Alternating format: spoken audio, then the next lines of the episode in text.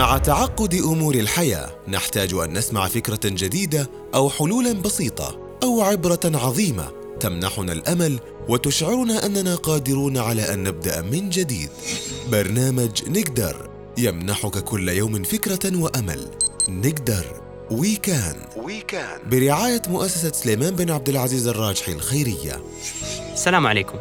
تعالوا نفكر اليوم سوا بالأشياء التي تقضي على فاعلية الفرد.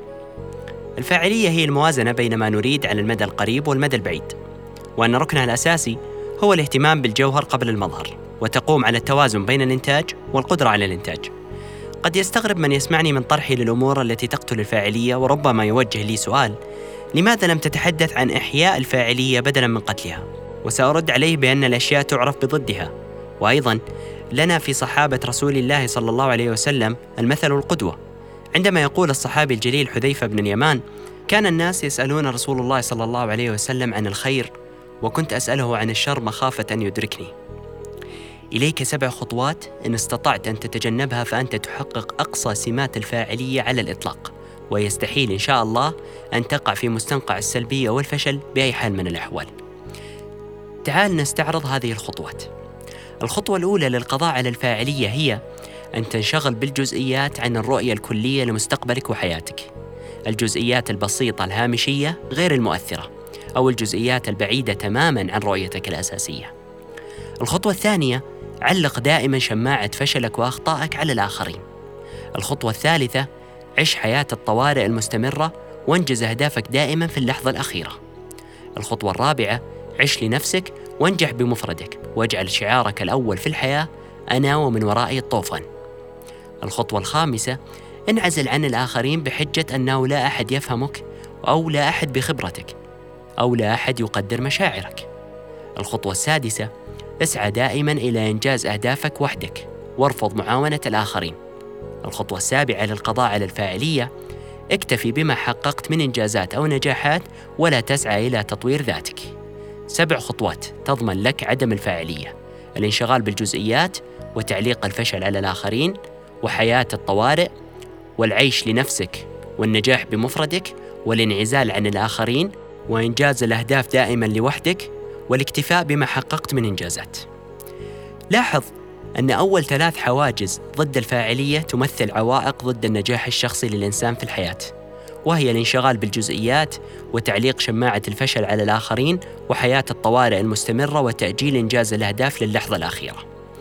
إذا استطعت أن تتخطى هذه الحواجز الثلاثة، صار بإمكانك تحقيق النجاحات الفردية. ولكن هذه النجاحات الفردية لا تكفي أبداً لصنع شيء عظيم في الواقع. منذ متى يكون نجاح الفرد بمفرده فقط يعد نجاحا؟ النجاح في تعريفه الأساسي أن تفعل شيء يفيد غيرك وتخلق واقعا جديدا مميزا للمحيطين بك. تتركه اثرا لك في الدنيا قبل أن تنتقل للآخرة. لذلك وجب عليك تخطي الحواجز الثلاث التالية لتحقق النجاح الجماعي المطلوب. حاجز أن تعيش لنفسك وتنجح وحدك. حاجز الانعزال عن الآخرين بحجة أنه لا أحد يفهمك أو يقدرك أو يتجاوب معك. وحاجز السعي في إنجاز أهدافك وحدك ورفض معاونة الآخرين لك. بتحطيم هذه الحواجز الثلاثة أنت خلقت لنفسك محيطا جديدا من التواصل مع الآخرين. قائم على بيئة خصبة من النجاح الجماعي والتطوير على دائرة واسعة تضمن لك وللمحيطين بك فاعلية أكبر. وأخيرا وخلال عملية تخطي هذه الحواجز يظل هناك ذلك الحاجز الذي قد يوقفك عن الاستمرار في الارتقاء في الفاعلية وهو حاجز الاكتفاء بما تم تحقيقه من إنجازات. حاجز عدم الرغبة في التطوير المستمر هو الحاجز الأهم الذي يظهر لك بصفة مستمرة وكلما تخطيته ظهر لك مجددا إلى آخر عمرك. دائما طور نفسك وغير من حولك إلى الأفضل. خلاصة الحلقة. أن تعرف أن الفاعلية هرم. قاعدته تحقيق النجاح الشخصي وقمته تحقيق النجاح الجماعي. وأساس بنائه من قاعدته إلى قمته هو التطوير المستمر والمتواصل. لا تجرب بل ابدأ فورا باجتياز هذه الحواجز. وأنا أضمن لك نجاحا مبهرا وفاعلية غير مسبوقة في حياتك وحياة من حولك بإذن الله. ويبقى الكلام مجرد كلام إلى أن يدخل حيز التنفيذ. برنامج نقدر من إعداد وتقديم سعد الحمودي. هذا البرنامج برعاية مؤسسة سليمان بن عبد العزيز الراجحي الخيرية